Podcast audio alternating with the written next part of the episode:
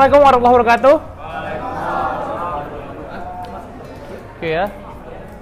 Nih kalau aku tanya apa kabar, jawabannya luar biasa dan selalu bersemangat, boleh ya? Boleh ya, luar biasa selalu bersemangat bisa ya. Apa kabar HME?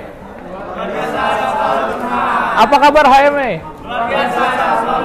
Apa kabar HME? Oke, luar biasa. Oke, boleh next Harun. Oke, jadi eh, kenalan dulu. Ya, nama aku Umar Al-Faruqi, biasa dipanggil Umar. Jadi eh sama aku juga anak HME, aku angkatan 2015. Dan pekan lalu ya, kalau nggak salah pekan lalu aku tuh dihubungi sama panitia buat mengisi sebuah acara di Wisokto ini ya. Jadi aku diminta panitia, aku tanya, Bang Umar, ngisi dong di Skillshare gitu, ya kan? Dan ini menarik juga ya acara baru di HME di Wisokto. Eh, bagaimana di sini book sharing sessionnya berbagi skill tertentu gitu. Jadi ini eh, hal yang menarik juga buat teman-teman di sini, buat yang dengerin nanti juga. Ini adalah sebuah acara yang menurutku bisa bermanfaat buat kita juga. Nah, jadi mungkin sekilas tentang aku dulu, aku adalah tadi udah diperkenalkan Hafiz juga, aku Menko HR di BP-nya Febrian ya, di BP-nya Febrian tuh BP Bersinar. Jadi mungkin ini ada hubungannya juga tuh. Ada yang tahu kepanjangannya HR mungkin? Human Relation. Ada yang lain? Human Resource. Ada lagi yang lain mungkin? Gitu ya. Jadi BP di BP aku tuh namanya Kementerian Koordinator Human Resource dan di sana kita di sini banyak mempelajari lah tentang hubungan manusia, tentang manajemen manusia, tentang mengembangkan manusia gitu. Jadi ini merupakan hal-hal yang di kampus sering kupelajari karena di kampus aku beberapa kali juga kayak di MSTay menjabat jadi ketua di kaderisasinya, terus di workshop juga ada juga beberapa organisasi ekstra kampus seperti di Share, terus dan juga di Student XCO aku sering berkecimpung di human resource ini. Jadi mungkin eh, ini sebagai pengantar semoga bisa bermanfaat buat teman-teman sekalian. Oke, gitu ya. Nah, judul kita ini tadi adalah The Extraordinary Manager ya. Kenapa aku mengambil judul The Extraordinary Manager? Karena ini menarik ya, menarik buat kita diskusikan. Mungkin nanti lebih banyak diskusi aja. Nah, kenapa? Karena ketika aku tanya tuh ke panitianya kan, Bang, isi dong tentang apa? Tentang people management gitu kan, tentang people management. Nah, people management tuh luas sekali gitu. Ada bagaimana kita memiliki kemampuan-kemampuan sosial gitu, berketerampilan dalam ngomong dengan orang. Ada juga bagaimana kita bernegosiasi, ada juga bagaimana kita bisa ngomong dengan lebih muda, lebih tua. Nah, aku tanya, spesialisasinya apa ini? Khususnya apa ini? Jadi di people management ini apa main utama yang ingin kita bahas kan begitu? Nah, dari situ aku tanya panitianya ternyata yang diminta adalah bagaimana sekarang ini kan anak-anak HME sedang banyak kepanitiaan-kepanitiaan, betul ya? Ya kan? Jadi nih gimana nih cara ngatur-ngatur staff gitu kan? Gimana nih kalau ada staff yang hilang-hilangan atau misalnya ada hubungan yang nggak enak dengan kadifnya? Nah, jadi kalau seperti itu bagaimana approach-approach dari kita sebagai mungkin kadifnya atau ketua bidangnya untuk ngehandle si anak-anak tadi gitu. Jadi bagaimana ini lebih banyak kita akan berbicara tentang staff management. Jadi bagaimana kita manajemen anggota atau staff gitu ya. Nah, di sini boleh angkat tangan yang sudah pernah jadi kadif atau sedang menjadi kadif atau ketua bidang atau ketua departemen atau apa namanya, boleh angkat tangan. Yang udah pernah seenggaknya dari SMA dulu mungkin atau TPB atau boleh ya angkat tangan. Oke. Sip, boleh diturunkan tangannya lagi. Nah, jadi banyak ya yang udah pernah jadi mencoba memiliki anggota sebenarnya. Ya kan, kalau Kadif berarti punya anggota. Ya, benar ya. Nah, jadi di situ kalau kita tahu Kadif memiliki anggota dan tujuannya ada anggota ini apa berarti? Supaya si tujuan dari divisi ini bisa terselesaikan kan gitu kan? Karena kalau satu orang aja cukup ya nggak usah ada anggotanya. Ya kan, Kadifnya aja cukup. Nah, jadi kita melihat di sini manajemen manusia supaya manusia-manusia di sini, orang-orang di sini itu kita pahami sebagai resource, sebagai sumber daya. Artinya apa? Bagaimana sumber daya sumber daya ini bisa ngehandle si problem tadi, bisa ngehandle pekerjaan yang ada, dan muncullah sebuah sistem, sebuah ekosistem yang membuat kita itu sama-sama saling membangun untuk menyelesaikan tujuan tadi, untuk menyelesaikan bagaimana kita bisa tercapai tujuan dari organisasi atau tim atau kelompok tadi. Boleh next. Nah, jadi kenapa perlu people management tadi? Kalau mungkin teman-teman yang udah belajar manajemen itu kan ada empat fungsi manajemen ya. Mungkin apa aja mungkin ada fungsi manajemen. Ada kalau misalnya teman-teman belajar manajemen ada POAC gitu ya kalau mungkin pernah dengar. Jadi ada planning organizing executing controlling. Nah berarti kalau people management berarti juga ada semua itu gitu. Bagaimana kita merencanakan si orang-orang yang ada dalam anggota kita? Bagaimana kita memanage itu mengalokasikan sumber dayanya? Dan kita bagaimana selama keberjalanan acara selama keberjalanan kepengurusan itu kita bisa terus uh, membuat si orang-orang tersebut jadi sumber daya yang berdampak buat kita gitu nah tidak dipungkiri juga kita kan makhluk sosial ya manusia makhluk sosial dan kita uh, senang sekali berinteraksi dengan orang sebenarnya, ya kan? Nah, jadi dari sini kita bisa mengetahui bagaimana pentingnya people management ini karena kita perlu gitu berinteraksi dengan orang-orang itu, kita perlu berinteraksi dengan anggota-anggota kita sehingga tujuan kita tadi tercapai. Oke, di sini aku boleh minta angkat tangan dulu yang ekstrovert boleh angkat tangan. Yang ekstrovert boleh angkat tangan. Yang ekstrovert boleh angkat tangan. Oke, sekarang gantian yang introvert boleh angkat tangan. Lebih banyak ya, lebih banyak ya. Oke, okay, thank you, thank you, thank you. Nah, jadi uh, ada stigma yang mungkin teman-teman udah tahu juga. Oke, okay, ada stigma yang mungkin teman-teman udah tahu juga bahwasanya si ekstrovert tuh senang bergaul dengan orang gitu kan. Benar gak? Kalau introvert tuh senang ya sendiri-sendiri atau kelompok-kelompok kecil. Nah, sebenarnya tidak demikian kalau misalnya ditanya milih yang mana, aku juga introvert orangnya, tapi tidak demikian. Jadi ini tuh sebenarnya sifat charging sebenarnya. Kalau mudahnya mungkin kita memahami charging gitu. Jadi ketika baterai kita tuh sedang low gitu kan, sedang low batt, berarti kalau introvert tuh butuh charge-nya dengan dia sendiri atau dia dengan sedikit orang. Kalau extrovert dengan dia bertemu dengan banyak orang gitu. Makanya kenapa terbentuk stigma si extrovert ini senang bergaul dengan orang-orang banyak karena itu cara chargingnya tapi itu bukan berarti bahwasanya introvert itu tidak senang bergaul dengan orang-orang banyak. Sebenarnya itu sama saja, gitu. Tapi justru kalau introvert bergaul dengan orang-orang banyak, itu dia butuh energi. Jadi dia tuh energinya dipletit dengan cara dia berinteraksi dengan orang. Gitu. Jadi sehingga bagaimana kita memahami ini adalah si extrovert dan introvert itu bedanya adalah sifat ngecasnya tadi gitu. Ngecasnya itu kalau sama rame-rame atau sama sendiri. Oke, nah jadi di sini yang ingin ditekankan bahwasanya adalah sebenarnya ketika kita menjadi pemimpin suatu organisasi atau suatu tim atau suatu kelompok maka kita di situ sifatnya leader sekaligus manager. Ya mungkin teman-teman ada yang pernah dengar perbedaan apa itu manajemen sama leadership? Pernah dengar mungkin? Ada? Boleh? Kita tunjuk aja ya. Ezra nih Ezra. Apa tuh bedanya manajemen sama leadership kira-kira? Leadership itu kepemimpinan. Ya itu artinya. leadership gimana seseorang tuh jadi pemimpin. Benar dia jadi orang paling atasnya itu kalau manajemen gimana dia mengatur orang-orang. Ya. Berarti lebih tinggi leader daripada manajer. Berarti lebih tinggi leader daripada manajer. Gitu. Oke. Okay. Boleh tepuk tangan buat Ezra? Oke, yang lain mungkin ada ingin memberikan komentar lain boleh? Gimana Ervan boleh Ervan?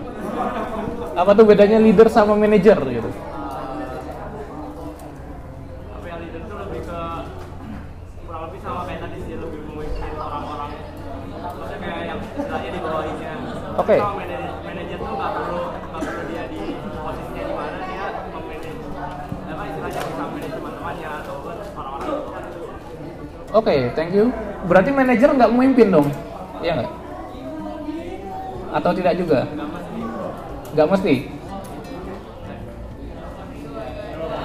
Nah, nah, jadi di sini kita pahami sebenarnya bagaimana sebenarnya ketika leadership sama manajemen itu bedanya apa? Ya. Yang pertama yang aku pahami adalah leader itu dia lead people, kalau manajer itu manage task aku ulangi jadi lead people manage task jadi sebenarnya tujuan dari pemimpin atau leader itu adalah lebih ke orangnya. Kalau manajer lebih ke tugasnya. Ya kan? Dan itu sebenarnya saling berhubungan gitu. Jadi kalau ada seorang kadif umumnya dia leader dan manajer sekaligus. Kenapa? Dia harus memimpin orang-orang yang ada di sana dan dia juga harus mengatur supaya pekerjaan dalam divisi tersebut selesai. Gitu. Accomplish jadi pekerjaannya itu beres juga. Gitu ya. Jadi di sini kalau kita bisa perhatikan uh, ada juga yang bilang manajer itu doing things right kalau leader itu doing right things gitu jadi si manajernya lebih banyak sisi efisiensi kalau leadernya lebih banyak sisi efektivitas gitu ya karena yang ingin kita manajemen ini yang ingin kita kelola adalah resource-nya, sumber daya dalam hal ini manusia, gitu ya.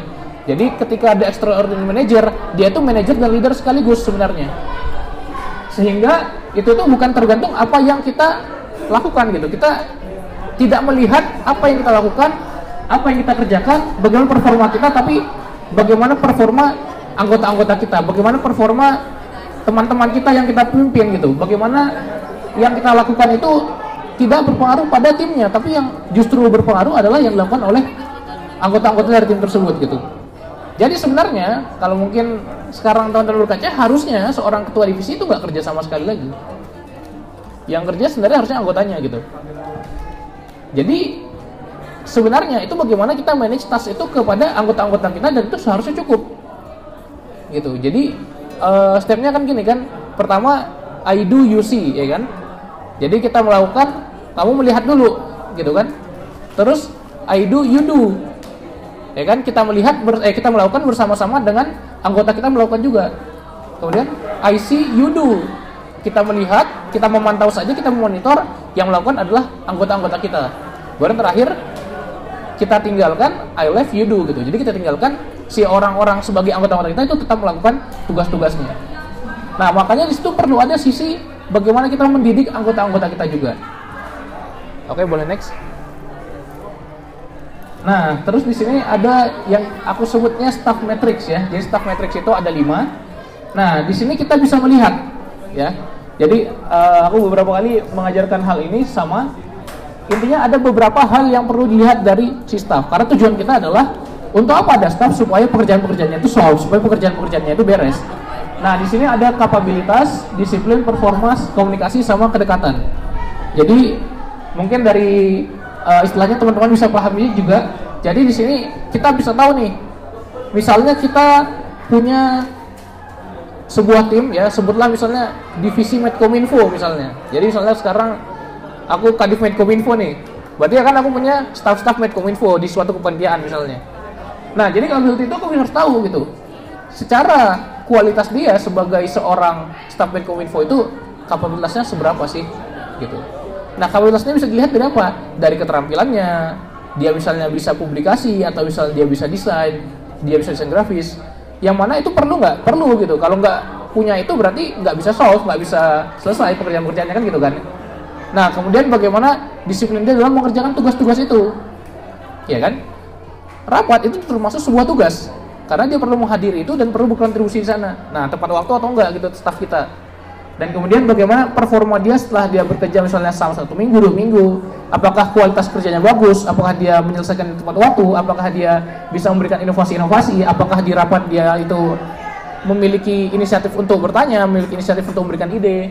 Dan bagaimana komunikasi ini ada kita sebut namanya 360 degree communication. Jadi bagaimana berkomunikasi dengan teman-teman sekelilingnya atau kita sebut coworker atau misalnya atasannya itu kita sebutnya apa supervisornya dan kalau misalnya ada bawahannya subordinate-nya gitu. Jadi bagaimana cara berkomunikasi ke setiap hal tersebut beda gitu. Kalau teman-teman nanti ada yang intern atau misalnya ada yang bekerja juga itu kita harus memperhatikan bagaimana kita berkomunikasi dengan kolega kita, dengan atasan kita atau dengan bawahan kita kalau kita sudah jadi manajer. Dan yang terakhir kedekatan satu sama lain gitu karena kan bukan hanya kerja kerja saya tapi juga ada bagaimana kita dekat satu sama lain, misalnya main bareng atau hangout bareng, sehingga di situ bagaimana itu menjadi parameter bagus nggak sih cara kita manage orang gitu. Nah, rendahnya ini sebenarnya bukan salah dari orangnya, tapi salah kita sebagai manajernya. Kenapa si orang tadi tidak bisa desain bagus? Ya berarti salahnya adalah karena manajernya mungkin tidak mengajarkan bagaimana cara desain yang bagus. Bagaimana manajer tadi tidak mendorong si orang ini untuk belajar desain lagi gitu. Jadi kapabilitasnya tetap rendah. Sehingga untuk misalnya kita mengidentifikasi kualitas dari tim kita bagus atau enggak, itu kita bisa melihat dari metrik-metrik ini gitu. Oke, boleh. Selanjutnya. Nah, kemudian di sini ada ideal staff, mungkin beberapa udah tahu juga. Nah, jadi di sini ada tiga ya, yang sering dilihat sebagai kompetensi se- seorang staff gitu ya. Jadi ada yang namanya knowledge, ada yang namanya skill, dan ada yang namanya attitude. Nah, apa bedanya ini? Bedanya adalah pengetahuan yang dimiliki oleh staff tadi maksudnya seperti apa? Misal kalau tadi aku Kadif Medcominfo misalnya, berarti knowledge-nya misalnya dia paham atau enggak dengan psikologi warna, paham atau enggak dengan visual stock, paham atau enggak eh, dengan bagaimana hal-hal terkait desain gitu. Nah, jadi itu apa yang yang diketahui gitu. Kalau apa yang dia lakukan itu sudah masuk ranah skill. Jadi itu misalnya apa? Bagaimana mengoperasikan kamera, bagaimana menggunakan software, itu adalah skill gitu. Dan skill ini yang kita pahami dibagi terhadap hard skill dan soft skill kan, gitu. Nah, kemudian yang terakhir adalah attitude. Attitude ini bukan hanya hal yang bersifat moral atau misalnya sikap ketika rapat, hadir tepat waktu. Itu adalah nilai-nilai dasar moral universal. Tapi kalau misalnya attitude di sini adalah bagaimana dalam divisi tadi dia memiliki cara pandang tertentu. Artinya apa? Ketika misalnya dia bisa melihat, misalnya ada sebuah poster gitu kan, misalnya anak Medcominfo kan, ada sebuah poster. Wah ini nih bagus nih desainnya. Kenapa? Karena ini kelihatannya sangat engage ke orang-orang yang melihatnya. Nah itu kan cara pandang, itu adalah attitude. Itu adalah domain afektif kalau di sini. Kalau misalnya di sekolah dulu kita bisa lihat ini domain psikomotor, kognitif sama afektif. Gitu. Jadi di sini ada beberapa kompetensi-kompetensi yang diharapkan dimiliki oleh staff-staff tersebut. Baik itu knowledge, skill, dan attitude. Nah, seharusnya seorang manajer sebelum memulai pekerjaan-pekerjaan yang ada, sebelum memulai manage staff-staffnya, dia harus tuliskan dulu sebenarnya ini. Kenapa? Karena pernah nggak ketika teman-teman minta, oh tolong nih dong kerjain ini gitu, misalnya ngerjain surat ini ketika sekretaris atau desain ini kalau Medcominfo atau approach ke perusahaan ini untuk misalnya sponsorship dan bidang-bidang lain yang pekerjaannya beda-beda sehingga membutuhkan skill knowledge attitude yang berbeda-beda pula. Nah dari sini ketika kita melihat ketiga hal ini maka kita harus buat dulu di awal gitu. Supaya apa? Supaya si staff-staff kita ini bertemu dengan ekspektasi kita. Ya kan? Karena kalau misalnya kita udah minta tolong tolong dong kerjain ini. Tapi ternyata ketika dia mengerjakan itu tidak sesuai dengan yang kita inginkan wah ini mah kurang rapi oh ini kurang bagus desainnya nah ini kok nggak bisa dapat perusahaan-perusahaan yang mau jadi sponsor kita gitu nah itu karena kita tidak ngelis ini di awal jadi ketika kita ingin memimpin sesuatu, kita list dulu di awal kebutuhan-kebutuhan dari divisi kita apa aja sih? Apa saja yang perlu diketahui oleh staff-staff kita? Apa aja yang perlu diketahui oleh staff-staff kita? Apa aja yang perlu dikuasai, skill-skill yang perlu dikuasai oleh staff-staff kita? Dan attitude apa yang harus dimiliki? Nah, baru dari situ kita coba tanya-tanya atau misalnya kita coba cari tahu sebenarnya staff-staff kita udah punya ini belum sih? Kalau belum punya ini, maka itu adalah tugas kita untuk membuat mereka punya. Apa kita mengajarkan langsung, atau kita berikan mereka video atau sumber belajar yang lain sehingga mereka bisa belajar, dan seterusnya. Jadi dari sini, bagaimana si staff-staff ini bisa belajar terus, belajar terus, belajar terus. Artinya apa? Ketika seorang staff masuk menjadi anggota divisi di kepanitiaan ini, sampai nanti ketika selesai, itu dia udah menjadi orang yang berbeda. Dia udah belajar sesuatu, dia udah develop sesuatu. Nah, hal inilah yang menjamin si orang-orang ini tuh punya bargaining point, maksudnya gue belajar loh di sini, gue belajar sesuatu di sini, gue berkembang di sini. Jadi hal-hal itu ialah yang kita tunggu karena sekali lagi bukan performa kita yang dinilai dalam sebuah tim, tapi performa si anggota-anggota kita. Ya, oke okay, next. Oke, okay, ini ada job personality uh, disingkat RIASEC ya atau disebut juga uh, personality Holland gitu ya. Jadi mungkin teman-teman mungkin sudah banyak tahu tentang personality kayak MBTI tahu ya MBTI ya kan? Terus kalau misalnya Ocean tahu? Ini saya itu doang yang tahu. Terus apalagi misalnya Enneagram tahu misalnya? Atau DISC dan seterusnya kan banyak kan? Nah tapi ada sistem personality yang khusus untuk pekerjaan jadi kalau teman-teman bisa cari di internet misalnya cari Riasek test gitu nah nanti akan ada tes yang hasilnya nanti akan ada enam personality ini gitu ya nah ini harus kita tahu di awal ketika kita memulai kepanitiaan atau kepengurusan. Kenapa? Karena kita perlu tahu orang-orang kita, anggota-anggota kita itu senangnya gimana sih? Ada orang-orang yang mungkin senangnya, wah lu pokoknya kasih aja kerjaan sama gue, ntar gue kerjain gitu. Jadi wah gua mau nggak mau konsep-konsep lah nggak mau mikir-mikir gitu. Yang penting lu kasih kerja apa ntar gua kerjain. Pasti beres lah gitu pasti gua bantu lu gitu pasti kelar gitu. Itu orang-orang yang realistik atau doer yang pertama. Ada juga orang-orang yang senangnya tuh konsep gitu kan senangnya tuh mungkin anak-anak mamet mungkin kan dia senang konsep sesuatu gitu kan senang mikirin dari oh ini ini harus runtut ke sini harus runtut ke sini harus analitis gitu kan. Tapi uh, ada juga kekurangan di sini uh, lebih baik di bagian concepting daripada actuating atau eksekusi gitu. Jadi makanya ketika kita punya sebuah tim itu adalah hal yang baik kalau kita punya kombinasi dari seluruhnya. Nah, jadi di sini kita uh, bisa melihat gitu kan ada juga yang orangnya tuh kreatif aja gitu. Jadi dia tuh nggak bisa berpikir sistematis, nggak bisa ber, uh, mengerjakan dengan bagus sebuah pekerjaan, tapi justru orang-orangnya ini sering muncul ide-ide gila, sering muncul ide-ide yang out of the box itu gimana kalau kita bikin cara kayak gini gitu? Dan hanya dia yang bisa kepikiran itu gitu kan? Terus yang senang bantuin orang juga ada jadi dia uh, mungkin secara pekerjaan nggak terlalu bagus karena bertolak belakang sama yang luar tapi dia justru senang uh, bersosialis dengan tim-timnya. Terus yang itu adalah leader sejati sebenarnya. Jadi yang E itu adalah leader sejati yang C itu adalah manager sejati gitu. Jadi conventional organizer sama satu lagi yang uh, enterprise-nya, jadi persuader. Jadi dia senang memimpin tim, dia uh, tidak terlalu bagus bagaimana dia organize sesuatu, tapi dia tuh selalu menggebu-gebu, selalu semangatnya itu membara dan bisa membuat orang-orang tuh bersemangat gitu buat menjalankan pekerjaan-pekerjaannya, bisa menyampaikan visi dengan bagus, bisa menyampaikan narasinya dengan bagus, bisa menceritakan gimana caranya kita menggapai mimpi bersama. Itu enterprising sama yang terakhir adalah organizing. Dia nggak nggak visioner gitu. Dia nggak punya tujuan jangka panjang. Tapi ketika perencanaan jangka pendek dia tuh yang paling bagus gitu oh ini harus gini gini gini pengaturan resource-nya gini gini gini kita kerjanya gini gini timelinenya gini gini gitu. Jadi ada perbedaan-perbedaan tertentu dari job personalities ini. Nah kalau kita belajar uh, lebih lanjut itu namanya ada Holland hexagon. Jadi kalau ada misalnya komposisi sebuah tim ya misalnya di sebuah tim itu ada satu orang realistik terus ada tiga orang artistik dua orang sosial sama dua orang enterprising. Nah itu nanti ada caranya sendiri kita melihat si hexagonnya. Nanti berarti cara kita mendesain tim kita itu harus model artistik. Artinya apa? Kita bikin tim kita sering berpikir kreatif.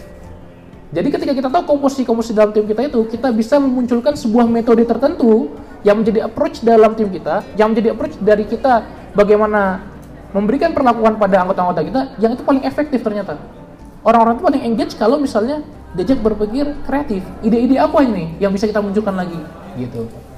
Jadi itu ketika kita misalnya uh, bagaimana kita menganalisis ini, kita perlu tanya dulu gitu. Mungkin kalau dari sini teman-teman udah bisa melihat, wah aku ini orangnya ini. Ya kan mungkin bisa wah aku ini orangnya doer banget atau helper banget, bisa mungkin dilihat langsung gitu. Nah, dan kita juga bisa juga tes juga dan nanti dari sini kita bagaimana kita bisa membuat tim kita itu sesuai kalau kita udah nanyain satu-satu.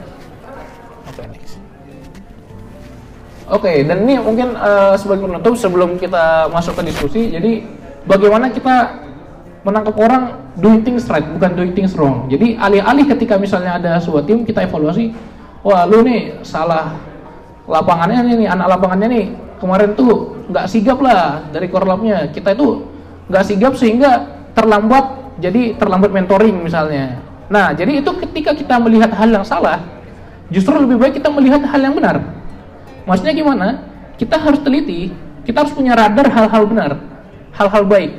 Contohnya kalau misalnya orang ada yang bagus, jadi ketika ada yang salah itu nggak usah kita bilang gitu, nggak usah kita forum. Atau kalau misalnya kita mau bilang kita bilangnya di luar gitu. Nah, kecuali hal-hal ada exception tentunya ya. Nah, tapi ketika ada, wah ini bagus banget nih kemarin, uh, misalnya yang divisi perform memang bagus banget performnya contohnya seperti itu gitu jadi ketika ada hal-hal yang baik justru itu yang kita apresiasi nah itu berlaku untuk antar tim juga dalam satu tim. Jadi ketika dalam satu tim ada yang desainnya jelek jangan kita tangkap itu.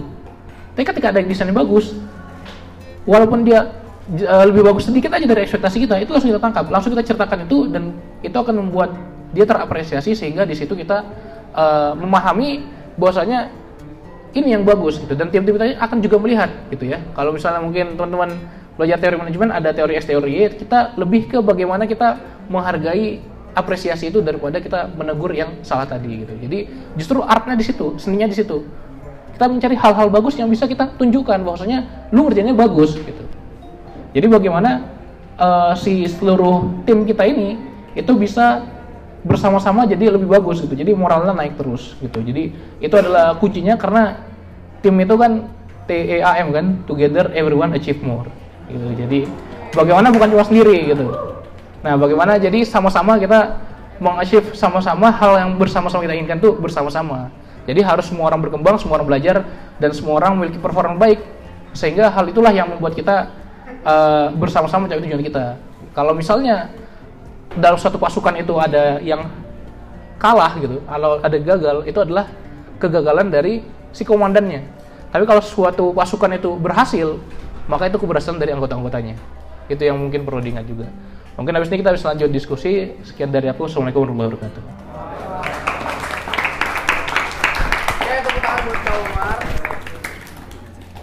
Oh, ini apa nih? Ya jadi ini mungkin sekilas di mana aku belajar banyak itu ada juga orang di belakang Abdis. Boleh tepuk tangan buat Abdis. Jadi di HME aku uh, berperan jadi Menko di Human Resource dan nama Kemenkonnya memang Human Resource juga. Dan di sini aku belajar banyak tempat tentang sumber daya manusia terutama manajemen sumber daya manusia. Aku belajar banyak dengan Abdis. Dan di sini benar-benar belajar bagaimana caranya manage orang dan develop orang. Gitu. Jadi di sini aku belajar banyak dari teman-teman di sini sehingga uh, hal yang aku sampai di sini juga karena bantuan teman-teman aku terutama di Human Resource HME itu.